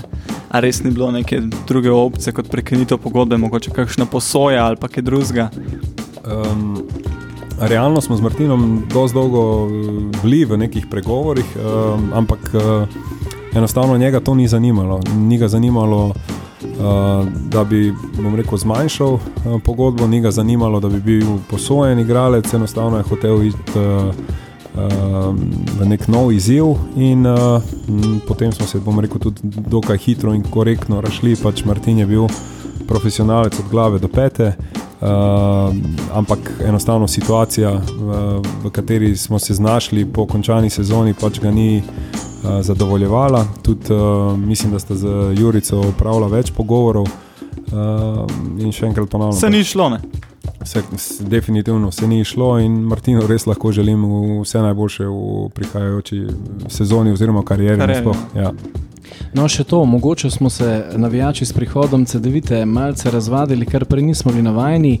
Je tudi letos kakšna varovalka, recimo, kar se tiče rosterja, da skozi sezono, v primeru Bog ne da kakšne poškodbe, lahko kaj flikamo ali pa je kaj. Flashter. Backup. e, mislim, vedno smo pripravljeni za tak scenarij, ker moraš biti, ampak dejansko mislim, da uh, glede na sestavo ekipe smo tako sem že prej dejal, nekako v mojih očeh uh, dosta ok in želim si samo, da ne bi bilo poškodb. Ja, zdravje. Zdravje. Samo to, da se dejansko res liga začne, da se začnejo tekme um, in potem bomo pa v bistvu, bom rekel, bolj pametni, da bomo lažje oceniti, uh, kako pa kaj. Zdaj, um, videli smo te dolgoročne podaljšane pogodbe z Blažičem in s Hopkinsom, hvala Bogu. Um, kaj pa je Gedo Murič? Uh, Edo ima še eno leto pogodbo. Uh, pač, uh, mislim, da je ta sezona nekako ključna tako za njega, kot za nas. Uh, kajti v preteklih sezonah je Edo dosti pogosto menjaval klube. Uh, na njegovo veliko smolo je imel tudi kar nekaj teh poškodb, ki so ga uh, mogoče zaustavile v tem njegovem razvoju, uh, v karieri. Eh, kar se nas tiče, pač je Edo sigurno eden tistih nosilcev, na katere res računamo v letošnji sezoni. Eh, v teh, zopet v tej pauzi po koroni je je dobil eden tistih, ki je rekel, najbolj zavzeto delo in verjamem, da se bomo ta uh, trud poplačal v prihajajoči sezoni. Zdaj pa še, da mečkam pogledamo kadrovanje ostalih konkurentov za ta Final Four v Abu Leiji. Pejmo zdaj Abu Leijo, ker meni men osebno, načeloma je Abu Leija ta glavni cilj. Prioriteta. Prioriteta. Se strinjam. Um, zdaj pa pač, kako je kaj pogled tvoj na to okrepitve v drugih teh klubih, recimo zdaj budučnost, crvena zvezda konc konc tudi GOK-ja zgleda dosti močno letos. Pač letos bo um, uh, liga zelo, zelo napeta in mogoče celo najboljša po kvaliteti, odkar obstaja. Ne? Na papirju. Na Se strinjam. Na papirju. Gledaj, tudi moje mnenje je popolnoma identično, da letošnja sezona v Abu Leiji bo peklenska. Pač in zato si tudi sam srčno želim. Da se nekako začne, in da uh, ne glede na vse, nam, nam uspe, uh, bom rekel, provesti ligo ali eh, nekako jo speljati do konca, kajti sama sta omenila, uh, budučnost je sestavljala dober tim. Uh, zvezda, itak vemo, da zaradi Eurolige. In njihovih ambicij, uh, tako tudi in državne pomoči. In državne pomoči, uh, proračuna, da morajo pripeljati top igralce. Uh, nekako Igo Keja, pa Mornar sta dva, ki, uh, ki, sta, ja, tako, ki sta iz ozadja ekipe, ki bodo napadale vrh, uh, mogoče tudi uh, na, pap na papirju ali pa recimo zgodovinsko ne tako atraktiven uh, nasprotnik. Uh, ampak vsekakor mislim, da bo največja težava ravno z te, tema dvema kluboma. Uh, in potem seveda Partizan, uh, ki je nekako lansko letni osmoljenec, kajti na dveh frontah je ja. izgubil uh, res dobro priliko, da se uvrsti v Euroligo. Uh, mislim, da se bo tudi letos uh, skušal maščevati ravno za to uh, krivico, ki mu je bila storjena. Uh, in tudi podpise, ki so jih do sedaj naredili, nakazujejo na to, da so želani bili zadovoljni za sestavo ekipe, uh, kor ekipe ostal popolnoma isti. Uh, in uh, tudi, uh, bom rekel, prihodom Ščepanoviča na mesto prvega trenerja so uh, v mojih očeh, ok, ni nadomestilo za trinkerje, ampak mislim, da so pripeljali res uh, absolutno najboljšo možno rešitev. Prav tako pač prihod Saša Obradoviča v Crveno zvezdo je tudi še en dokaz, da se, da se liga sama po, po kvaliteti trenerjev dviguje, tudi v tem pogledu. Tako da bo res uh, izjemno, izjemno zanimiva uh, letošnja Abu Leiga. Se je fajn, ko gledaš, fajn, ko frkaše po imensko, ampak konec koncev je trener tisto dirigentsko palco vrtine. In če je dober trener, pa tudi če ima slabša ekipa po kvaliteti, tako na papirju sodeč, je vseeno veliko večja šansa, da bo bolj kvalitetno delovala. Tako je, pač, uh, sigurno je trener tisti voditelj, ki vleče voz, uh, ki za svojo idejo ali prepoznavanje določenih situacij lahko uh, prevesi tehnico v, v, v prid, uh, mogoče tudi za slabšo ekipo na papirju. No. Kaj pa zdaj še tole, kako bi rekel, spopadanje s, to, s tem COVID-19, kako naj bi to izgledalo v prihodnje? Oziroma, zanima me tudi, kaj se je dogajalo na zadnji konferenci v Abu Leiji, ker smo pač zvedeli, da se samo začetek sezone pač je predstavil, kaj pa ostalo, kaj se je dogajalo. Pa ne, postavljen je tudi bil nek protokol za, za COVID, oziroma za to testiranje in vse te zadeve. Enostavno vsi si želimo, da se, da se liga začne, treba je najti rešitev, bodi si ali to na turnirski sistem, bodi si ali ne vem, sistem, ki, mislim, način, ki smo tudi sami ga nekako podali, to pa je, da bi se liga razdelila mogoče. Na, na dva dela, torej da bi Slovenci in Hrvati lahko igrali med sabo, ker le gre za Evropsko unijo. Uh, mogoče srpski del, črnogorski, uh, pa potem ta Igo Keja, uh, nekako da se um, med sabo in se potem vidimo, ko bo stanje z, z COVID-om ali pa. Uh, situacija mogoče spremenjena, se začne pač uh, potovanja in tako dalje. Zaenkrat pa bolj kot ne brez gledalcev. Zaenkrat pa bolj kot ne brez gledalcev. Mislim, da je bilo zaprčako, če gledamo, dokler se piva ne bo. Ne. Jaz mislim, da ja, čeprav po drugi strani so tudi uh, nekatere bom rekel, situacije, ki so atipične in bodejo, pa se, bom rekel, ravno v Italiji, kjer je uh, pandemija takrat najbolj udarila, uh, je ravno danes včeraj bilo izjavljeno, da se bo liga začela in da bo dovoljeno Že že, gleda, ja, da bodo dovoljeni že gledalci, ni pa določeno maksimalno število gledalcev, torej govorijo o 200 pa na vzgor. Um, zopet moje neko osebno mnenje je, mislim, da lahko v dvorani kot so Stožice ali pa Arena v, v Beogradu, da se bi to število lahko uh, zvečalo, uh, saj je dovolj prostora. je Ja, to nam varnostna socialno distanciranje, Tako, par zicov, mes sprej, pa maska gor, pa točno akcija. tako. Ja, lahko, bi, lahko bi glede na dvorane določili število gledalcev. To mislim, da, da je ena dobrih idej. Ja. Zdaj pa še mečkam to NBA bubble, ko je zdaj zelo famozen. ne. Mislim, da je tudi kakšna opcija. tukaj Mislim, da obstaja, ne, mislim, da ne. Zato, ker enostavno uh, zopet govorimo o eh, finančnem vložku, uh, govorimo o tem, da to ni ena liga, da dejansko bi morali potem kombinirati tako z Euroligo, z Eurokupom, z Champions. um, Terminsko, ja. Terminsko, no go. ne. Uh, zdaj, da se mi, aba ligaši, zapremo nekam, ok, če bi samo igrali aba ligo, bi to imel smisel. No. In to je zopet tista razlika med NBA-om, ker je pač državno prvenstvo. ne. Uh, isti primer, evo, pa zopet iz prve roke je pač uh, Memi, ki je na kitajskem in zopet je to državno prvenstvo. in so A tam uspe- so tudi bubble uspe- vzpostavili. Ja, ja, oni so Aha, prvi aha. naredili bubble. Aha, Oni so prvi, uh, v bistvu ta bubble, uh, zraven špancov, dejansko, ne.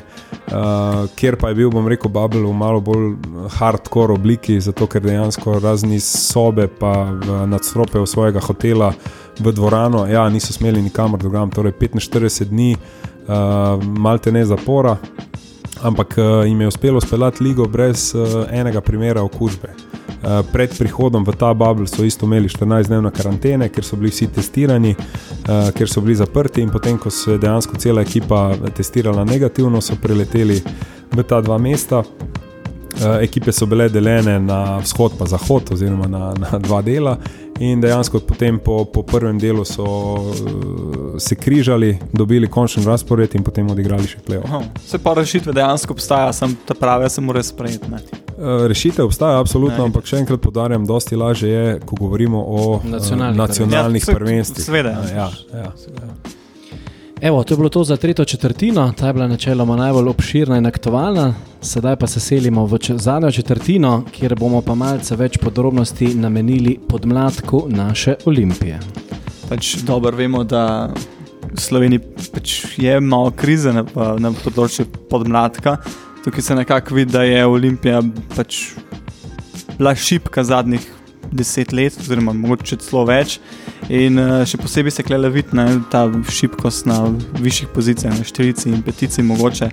Um, uh, zdaj pa, kakšna bo vloga CD-vite junior, Olimpija mladi? Zdaj vemo, da so stroga pravila v, na Hrvaški ligi glede mladincev in tujcev.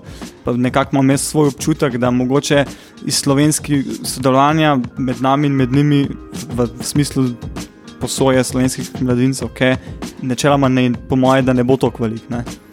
Uh, pa dajmo tako, uh, step by step, zato Tako, ker je ja, bilo bo, dosti ja. vprašanj. Tako, tako. Pa da se vrnemo. Uh, vsekakor uh, je, bom rekel, CD-vita junior uh, nekako mm, ščerinski klub oziroma naš uh, razvojni klub. Ki nam, Bratec. bratec, tako, ki nam pa res uh, ne gre najbolj na roko, saj za pravili, ki jih ima HKS, enostavno ne moremo kar uh, svobodno pošiljati uh, igralce sem ter tja. Uh, je pa res, da imamo tam uh, dosti boljše pogoje za delo, uh, da so dejansko tam mm, dva do trije talenti, ki, ki imajo pogodbo z nami in ki se sporedno razvijajo v, v, pač v Zagrebu in v tistem okolju. Um, mogoče, če bi, bom rekel, CD-vita junior v naslednjem letu ali pa v naslednjih dveh letih eh, nastopala v Premier Ligi, nam bo to olajšalo nekoliko uh, to sodelovanje oziroma ga postavilo na še večji nivo, ker bi potem dejansko res lahko naši uh, mladi talenti oziroma po končanem mladinskem stažu pardon, pa odšli, odšli v, v Zagreb in tam odigrali pač uh, Prvo ligo. prvo ligo. Tako, ne. Um, kar se tiče samih uh, talentov v Sloveniji, mislim, da pač tudi zgodovinsko gledano, nekako nikoli nismo bili znani po poziciji 4 pa 5 Ne, to je bilo vedno to pripeljano. Gener, generacijske cvetke, no, naprimer, je pa res, je pa res, brezec, da je Anthony Randolph iz Trbovlja, no, edini ne, Tonček, ki, tonček ja, ki, je, ki je v zadnjih desetih letih pač res nas uh, dvignil, dvignil ja, in nas zastopal od mladincev naprej. Uh, no, šalo na stran, uh, enostavno pač se pozna, da mm, je nekako ne samo CD-vita Olimpija, ker bi bilo krivično izpostaviti samo njih. Eh, sistem, ki se je postavil v zadnjih letih, ne, to pa je ravno to, da je to postal velik biznis, uh, kjer je kopico mladih igralcev šlo v tujino. V nekakšnem uh, boljšem upanju na jutri, uh, v boljši m, pogoje, v razvoj, ki so jim ga ponujali od zunaj. Aha, Pardon. Vidim, da uh, je to vprašanje potem kasneje. Prehitevam, pardon, pardon, pardon. Uh, torej, da se vrnemo nazaj, enostavno uh, želimo si zopet postaviti uh, ta model, ki je bil včasih, torej, da je Olimpija tisti magnet za mlade igralce, ki nekako sebe vidijo, da bi skozi našo piramido lahko dosegli potem dokončen potencial. Tudi uh, ne na zadnje, pač smo dosegli sodelovanje z Ilirijo. Uh, katera pač bo nekako tista mhm, valilnica naših talentov, ki to, kar sem prej omenil, ko končajo mladinski staž, se potem nekako prvo naslonimo na njih. Eh, in jim ponudimo igranje, sedaj trenutno v drugi ligi, upam, da v naslednji sezoni, a pa v prihodnjih sezonah, še kako stopničko više, in da bi potem skozi to ilirijo nekako se ti igravci vračali v, v prvo moštvo uh, našega kluba. Mislim, da to ni neka uh, topla voda ali karkoli, ampak enostavno je treba zadeve podstaviti, imeti potrpljenje, kajti še enkrat ponavljam, ne grejo stvari kar čez noč. Uh, in mislim, da bomo v prihodnje prav tako uh, kmalo videli zopet kakega talenta, ki bo ravno skozi ta način delovanja potem igral v prvi ekipi. Kar se Lirije tiče, zagotovo tukaj zaradi mogoče vlade Lijevskega lažje je bila usporednica. E, tudi, pač Vladko je eden tistih, ki uh, res dobro razume, kaj to pomeni za, za nas kot klub. Uh, prav tako, kaj pomeni to za njih, da recimo imamo v, Olimp v Olimpiji, v Ljubljani, pač dva kluba, ki sodelujeta in uh, sodelujeta res uh, predvsem zaradi te športne ambicije da omogočimo tem mladim fantom minute, ki so nujno potrebne raz, za razvoj. Ne. Hkrati pa vsi vemo, da je Olimpija vedno in bila, uh, tudi v času zmaga Sagadina, uh, klub, ki je imel visoke ambicije, rezultatske ambicije. To tako mora biti tudi v prihodnje, ker Slovenija nažalost je pač premehna, da bi lahko vzdrževala več takih klubov, kot smo mi. Ne? Absolutno. Pač in to je tudi, eh, bom rekel, naše vodilo in naš cilj. Hkrati pa nikakor ne smemo ne pozabiti, ne zapostaviti pač ta razvoj, ne, ki se pa mora dogajati sporedno. In potem vsi ti fanti, ki, eh, ki bodo z, z svojim uh, igranjem za, bom rekel, bodi si CD-vito junior ali Ilirijo v tem primeru nekako pokazali, da imajo potencial za prvo ekipo, bodo potem kasneje priključeni v, v, v to. No, ko pa recimo Bošnek in Pagatarič, ki imata že profesionalne pogodbe v Zagrebu, um, ko boste prišla nekega dne v Ljubljano, pač ker imate hrvaški oziroma bosanski potelist, boste zauzela to mesto tujca, ki ga pač tudi slovenska liga nekako ne podpira. In se da tukaj kakšno rešitev, mogoče s kakšnim državljanstvom rešiti, oziroma je to kaj v planih? Ne, uh, tu pač enostavno gre za razvoj dveh mladih talentov, uh, ki upamo, da bodo se razvijali uh, tako, kot sta se do sedaj, in da bomo res v dveh, treh letih jih lahko pripeljali kot, uh, bom rekel, backup uh, tujce. In jaz ne vidim v tem nič slabega. Sigurno, da je pač v interesu Košarkarske zveze Slovenije, da zaščiti svoje mlade igralce in prav je tako. Ampak po drugi strani, glede na to, da gre uh, za, za našega mlajšega brata v, v Zagrebu, uh, mislim, da je prav, da se, da se fantom ponudi priložnost, vkolikor bo ta. Uh, z kvaliteto, košarkarsko kvaliteto, dokazala, da si zasluži ta mesto med 12-terico. In takrat bo pač sestava ekipe malce drugačna, ravno zaradi tega, ker pač Eh, pravila omejujejo število tujcev. No, letos nekako imamo pri članih dva zelo mlada igralca in sicer Dana Duščaka ter pa tudi uh, Roka Radoviča. Uh, na zadnji podpis, kar se mladcev je pa tale Igor Sitnikov. In zdaj me malce zanima, bo on priključen prvi ekipi ali bo se za njega kakšna druga opcija iskala? Mislim, konkretno za Sitnikova, uh, Sitnik bo uh, posojen na Ilirijo, uh, kjer bo pač uh, ravno ta razvoj, ki ga želimo pospešiti, da dejansko se seznani z neko člansko košarko čim prej in da se mu ponudi možnost skozi minute, da nabira te izkušnje. Uh, glede roka, pa dana, pa bo ta oba dva z, z nami, uh, zato ker mislimo, da tako uh, fizično, kot tudi rekel, po tem košarkarskem IQ-ju si zaslužita uh, mesto med našo 15-terico. Uh, glede na to, da bomo igrali na dveh frontah, uh, glede na to, da bo dosti potovanj in, in uh, tekem, uh, pa zopet, če bom rekel, se izognemo vsem poškodbam, ki se dogajajo med sezono, mislim, da bo tudi za njo uh, se najdla kakšna minuta. No, zdaj, ko smo že jih predali v dušče, ko bo prvo korada, več pa se najprej pri tem prvem ustava, koliko časa je že zanimiv za nas. Pač, kar sem slišal, je zelo obetavno, da je zelo obetavno. Mislim, ko govorimo o danu, govorimo res o. o mm, jaz ga rad poimenujem, ne vem, uh, kampaco za siromašne, ker ima uh, zelo dobro energijo, uh, ta pravi voditelj na parketu. Uh, v mojih očeh pač res uh, nekdo, ki bi lahko na dolga, let, dolga leta bil uh, nosilec ali pa vsekakor eden tistih igralcev, ki bi pustili pečat v klubu. Um, sigurno, da so tu še pomankljivosti, predvsem ta njegova fizika, oziroma um, treba bo dodati kako kilo več, da bo lahko lažje igral uh, to člansko košarko. Ja.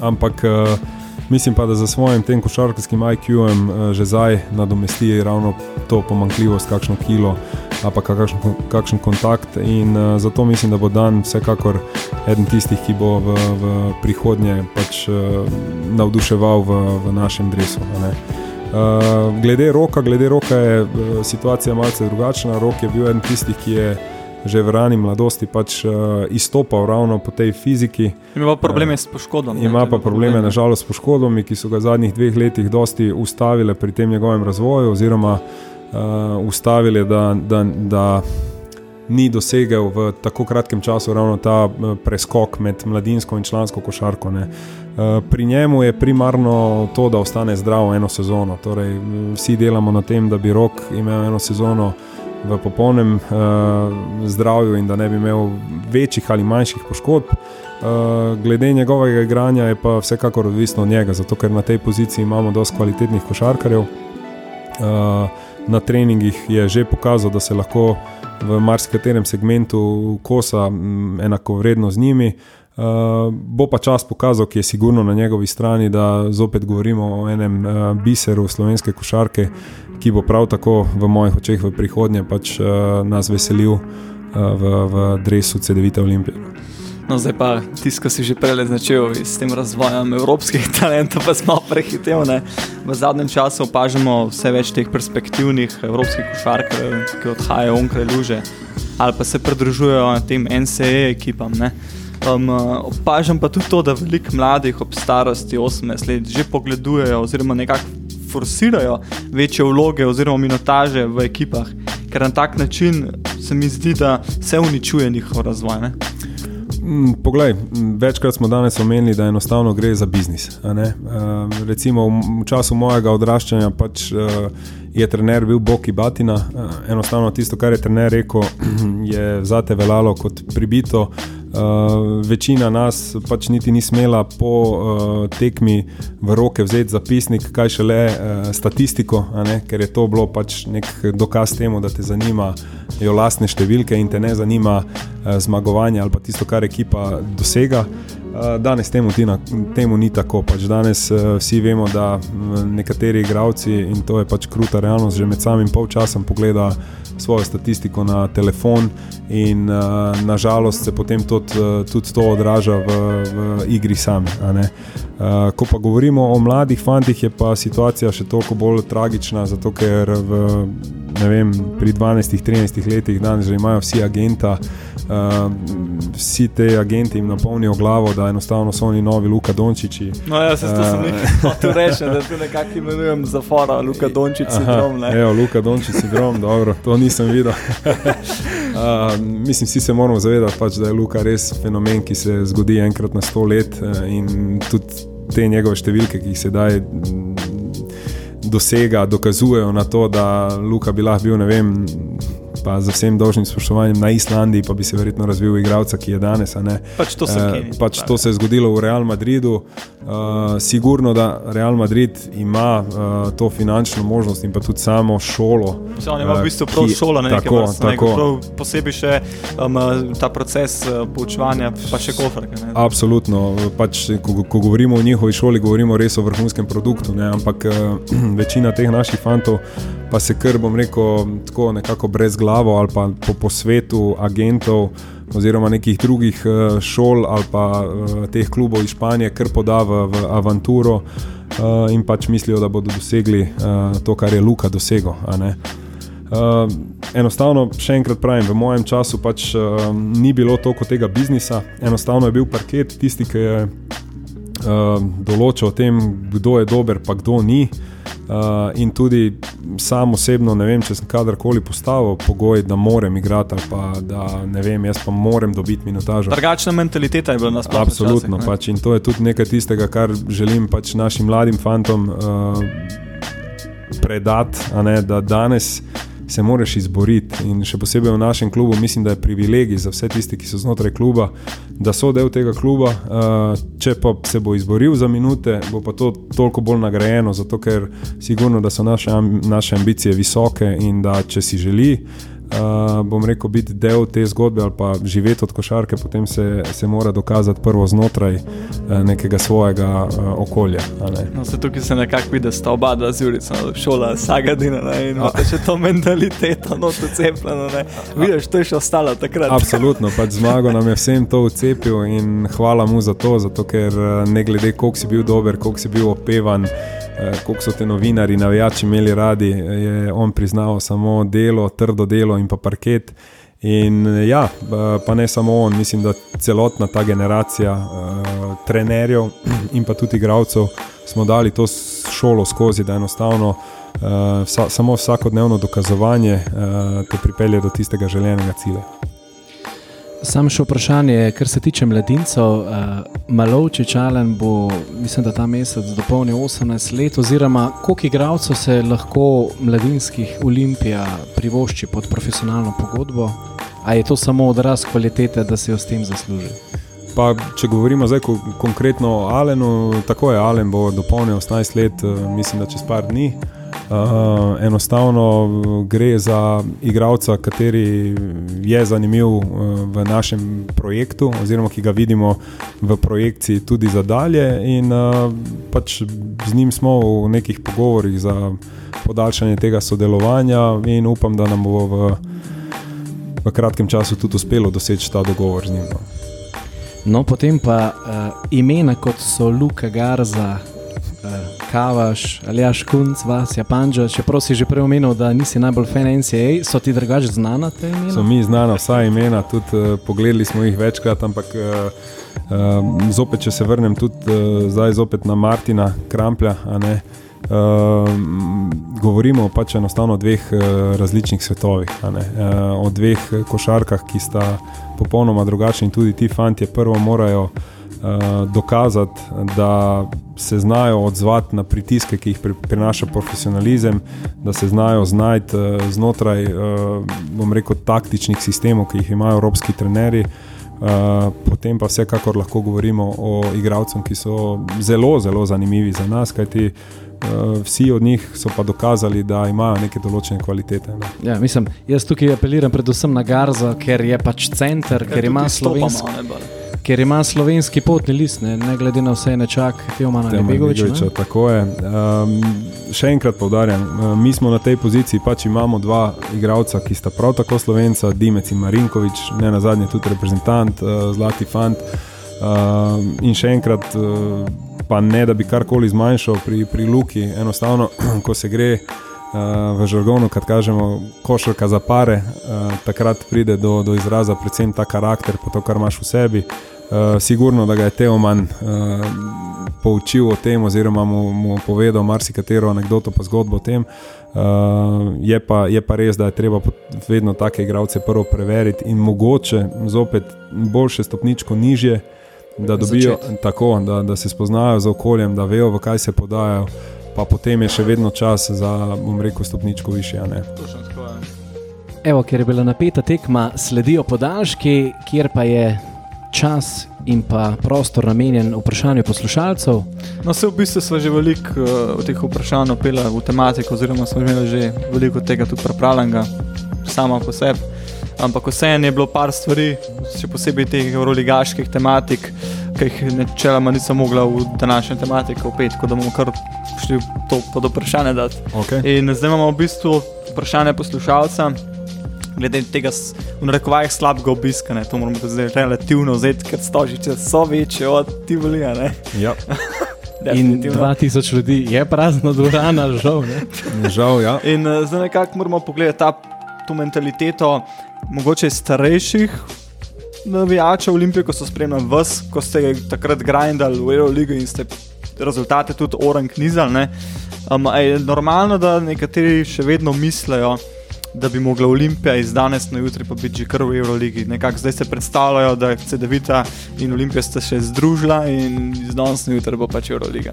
Uh, mislim, tu je najboljše, če dam primer, bom rekel, iz italijanske košarke, kjer uh, imajo podobne težave uh, s Kavolini iz Pezara, uh, ki se zadnjih par let uh, ubada z velikimi finančnimi težavami in vedno je na robu, bom rekel, izpada iz prve lige, pa je vrsto let pač krojil vrh italijanske košarke in ne na zadnje pač tudi Euroligo. Isto se dogaja v Benetonu iz Treviza. Uh, še bom rekel, hujši primer je pa mogoče Vareze, ne, ki je tudi ja, osvajal ja, ja.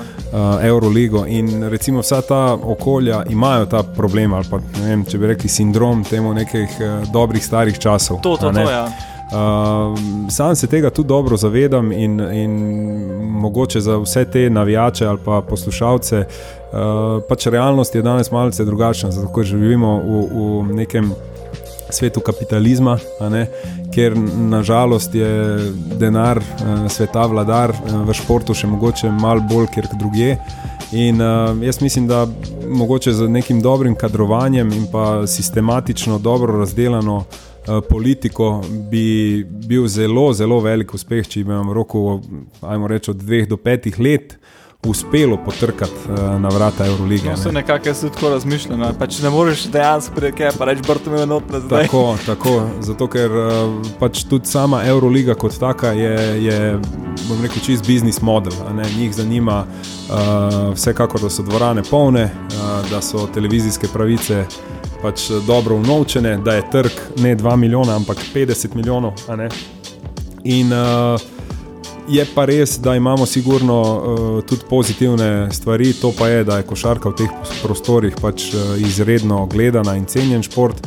Da nas vsi uh, dojemajo kot resnega kandidata, ki bi lahko v bodoče uh, ravno za svojo to infrastrukturo, logistiko, letališče, dvorana, hoteli, uh, uh, samo mesto kot tako, uh, bili del uh, te elite.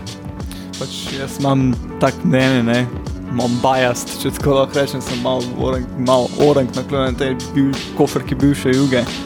In jaz sem kdaj zafrkan, da če bi Euroliga naredila posebej skupino, samo naprimer, nas bodučnost, crvene zvezde, partizan, bi bila že to taka kvalitetna skupina, da bi se res lahko že orang bolila, borila za ta prave rezultate, ne tudi Euroligi. Definitivno, mislim, da tudi to, kar smo prej omenili, dejstvo, da so vsi ti klubi uh, letos še posebej uh, vložili izjemne, bom rekel, izjemno veliko denarja uh, za to, da bi bili del uh, te elite.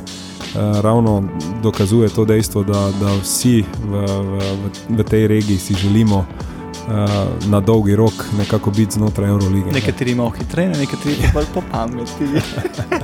Mislim, da si vsi želimo hitro, tu bi lagal, če ne bi dejal, da si tudi jaz želim to. Uh, ampak uh, po drugi strani sem pa dosti velik realist vedno. Objektiven v, v vseh zadevah in pač, uh, dajmo reči, step by step ali pa baby Tako, ja. steps. Ne. Baby steps je še bolj. Tako. Počasi se dela, če Tako. No, zdaj pa še naprej. Kakšno imaš um, mnenje glede zapiranja Eurolige? Euroliga že nekaj let, zdaj pa sploh je bolj to spet popularno ratal, ko začenjajo omenjati te ekstremne, celo odhode Euroligašov iz nacionalnih prvenstv. In Zdaj, kako bi ti to, kakšno imaš mnenje glede tega? Ne? Mislim, tu je čistko, bom rekel, tudi pri meni osebno so, eh, razcep, je razcepljeno mnenje. Za čisti iz preprostega razloga, zato ker vkolikor bi posnemali model NBA-ja, uh, bi potem pomenilo, da so domače lige čist uh, Nerelevantne. Tako, tako, brez kakršnih koli vrednot, in to pa potem pomeni tudi za samo delovanje zveze. Uh, in pa bom rekel, produkt, ki pa zanima države, to je pa reprezentanca, Bi nastradali. bi nastradal, Orang tako nastrada, ugasnemo ja. orang. Ne. Vkolikor bi ta uh, model zaprte Eurolige lahko ponudil uh, neke razvojne klube, lahko ponudil tudi finančno don- Kot ta nadomestila. NBA G-League, ne za tem Tako, primeru. ne? tako, potem mislim, da tudi to zapiranje dolgoročno ima nek smisel. Ne. Vsekakor moramo razumeti tudi njihovo razmišljanje, da si eh, recimo Evropa želi vrhunskega basketa, da si vsi želimo gledati vem, CSK, Real ali pa kaj zdaj Barcelona, pa ne nekaj vsak teden. ne. Ampak eh, realnost je pa druga in pa kaj potegne ravno to zapiranje posledično z košarko v, v, v regiji ali pa v državah, je pa mislim, da katastrofalno. Jaz mislim, da lih ta čar evropske kofrke je, da lih to je tista fina stvar, ko je toliko enih tekmovanj različnih, toliko ene različne kofrke se igra. Ne, in če bi zaprli, bi res ta razvoj kofrke omejili in bi to res šlo potem spet. Mislim, še eno stvar moramo vedeti, eh, da enostavno potem bi navijaču vzeli ravno tisti čar, ki pa mislim, da navijača najbolj driva. To pa je, da če dam konkreten primer, Zvezda dobi Real Madrid na strani v sredo, v četrtek jo pa mi v polnih stožicah eh, Stožno premagamo. a ne. ja. In to je mislim, da tisto, ki si navijač vedno želi, torej, da se primerja. Aha, če je Zvezda dobila Real v Madridu, mi smo jih pa soboto premagali doma. Ne. Kdo je boljši? Pa? Ja, ja, te ja, bi derbiji tudi- potem nastanejo, imeli, ne? Ampak še enkrat ponavljam, mislim, da je ravno, ravno to bi z zaprtjem uh, Eurolige pač uh, oduzeli uh, navijačem. Evo, zdaj pa sanje, zdaj pa vprašanje iz tvojih igralskih časov. Kateri je bil v bistvu najboljši igralec, proti katerim si igral? Pa če še jaz dodam, kateri je bil pa najbolj siten v obrambi? Uh, najboljši igralec, tako brez primere, je Manu Ginobili. Pač, uh, ne glede, mislim, da sem v karieri bil blagosloven, da sem igral res vrhun, z vrhunskimi igralci. Uh, sigurno rame v zraven njemu bi mogoče dodal tudi Diamantidisa, uh, ki je res za, za, za to svojo prezenco nekako nas delo vse boljše okoli sebe in pa šele danes, ko vrtim film nazaj, se zavedam, kakšno težo uh, je davala njegova prisotnost ne, na igrišču, tako v napadu, še posebej pa pol v obrambi. Uh, mislim, pa še bi lahko tu našteval. Uh, najbolj siten v obrambi, uh, by far, pa brez, uh, bom rekel, razmišljanja, Andreja Menegin. Andreja Menegin je bil eden najboljših obrambnih igralcev, oziroma najtrši oreh, proti katerem sem igral. Imam tudi anegdoto za vse poslušalce eh, v Varezev, po moji poškodbi, oziroma po vrnitvi eh, na sceno, je Andreja bil moj soigralec. In uh, dejansko pri njemu govorimo o sklopu vem, hitrosti, moči in pa te, uh, bom rekel, balkanske eh, prefriganosti na najvišjem nivoju. In enostavno, Andrej je tak, tudi, takrat tudi zaključeval, bom rekel, kariero, imel je velike težave z kolkom, uh, ki so ga pol tudi, uh, bom rekel, oddaljile od košarkarskih igrišč. Ampak en trening je prišel do mene in um, glede na to, da mu je Boša bil vrsto let trener, šta, šta, šta. Uh, ne, on je meni skozi govoril, šta, šta, šta, pa dobranac, ne, kao, ker jih je on vedno tako klical Boša. Uh, in rekel, veš kaj, danes pa m, ne boš uh, prišel čez polovico igrišča. Ne. Pa sem rekel, gledaj, Andreja, ne se zabavati, ne, kao, vedno z lahkoto. Rekel, ne, ne, ne, danes sem vzel injekcijo, pa še tablete sem popil in danes te ne bom spustil. In frajer me dejansko, pa me ni sram priznati, pač ni spustil, da, da prečkam v 8 sekundah polovico igrišča, ker je pa dejansko tako močen. Recimo, edini, ki mu ga lahko Bog postavi, je Marko Milič, ki ima tisto naravno moč. plus tega, da uživa v tem, kar te provocira, pa tepe. In enostavno na nekje polovice treninga sem vrgel žogo, sem rekel, gledaj, jaz se danes ne grem tega športa. Dejansko sem se izpisal iz krožka, oziroma me je Andreja izpisal. In, uh, tak, tako da v bistvu si ne morem predstavljati, uh, kaj je on pomenil za, za te napadalce, ko je bil v top Prime, formi, ne. oziroma ko je bil fit, ja, ko je bil v prime time. Zdaj pa še ta um, uh, MBA trash talk, ki se jih tudi dogaja v Evropi, kdo Aha. je tisti, ki te najbolj uh, Pa mo- sprovociral. Pa moram reči, da recimo, uh, ni jih dosti v Evropi, ki bi, bi imeli ta treštok. Jaz sem bil eden tistih, ki sem to rad počel, zato ker sem tudi zrastel v tem treštoku, takrat je NBA. Ne? Eh, So vsi bili treštokeri, Reggie Miller, vem, pa Michael, pa na koncu koncu Bird. a ne. To Pač, in ker smo rasli za temi idoli, uh, Magic je bil moj, uh, sem bil dosti dober v tem. No. Tu mi nisi mogel kar lahko zlesti pod kožo, plus tega, da včasih niti ne bi odgovoril na provokacije, ampak bi potem samo z, z parimi pikami to dokazal in potem bi se spravil na, na, To na spodaj, Tako, tako, tako. Zdaj pa še za zadnje vprašanje. All time, peterka Olimpije. Easy, Easy, easy. da boš svoje naštel. Ja, pa. Iskevičus, Bečirovič, Hukič, Golemac, pa Brezec. Uh, huka zlatna ruka. je. Tako, mislim, da bi za sedanji moderni basket bili kar dobri, ker bi igrali na 150, 148. Ne, ne bi kaj dosti branili, ampak bili bi pa lepi za oko. Eh, Pa še moje vprašanje, ki smo že vrtamo. Željko Bradovič pa Olimpija. Vprašanje je, kdaj mogoče Ah, kdaj v mogoče? bodočnosti, ker le imaš veze, ne? le se nekaj Jaz bom pa samo igral. tako odgovoril: sanjati je človeško in sanjamo vse, dokler smo živi. a ne. Tako je. Dream big, ne? Ja, sanjati je dovoljeno. Ne? Tako. Sani sanja. Evo, dragi poslušalci, mi smo prišli zdaj do konca tega najnega special podcasta Blokada, ki ga bomo kar poimenovala Polčas, kot so se imenovala. In, dragi poslušalci, upam, da ste uživali. Uh, z, tako bi rekel, z gosti bomo nadaljevala tudi v prihodnje, uh, do ta čas pa nas lahko najdete na katerih Na vseh kanalih. socialnih omrežjih, Instagram, Facebook in Twitter, at podcast blokada ter um, platformi Simplecast in vseh ostalih uh, bolj popularnih podcast platformah. Še enkrat bi se jaz zahvalil Sanju, ki se nam je pridružil, ki je krstil ta podcast. Tako da Sanji, hvala lepa še enkrat. Fanta, hvala vama. Uh, bilo mi je v čast, evo, da smo se lahko tako sproščeno pogovarjali o pretekli sezoni in pa o prihajajoči. Adijo. Čau.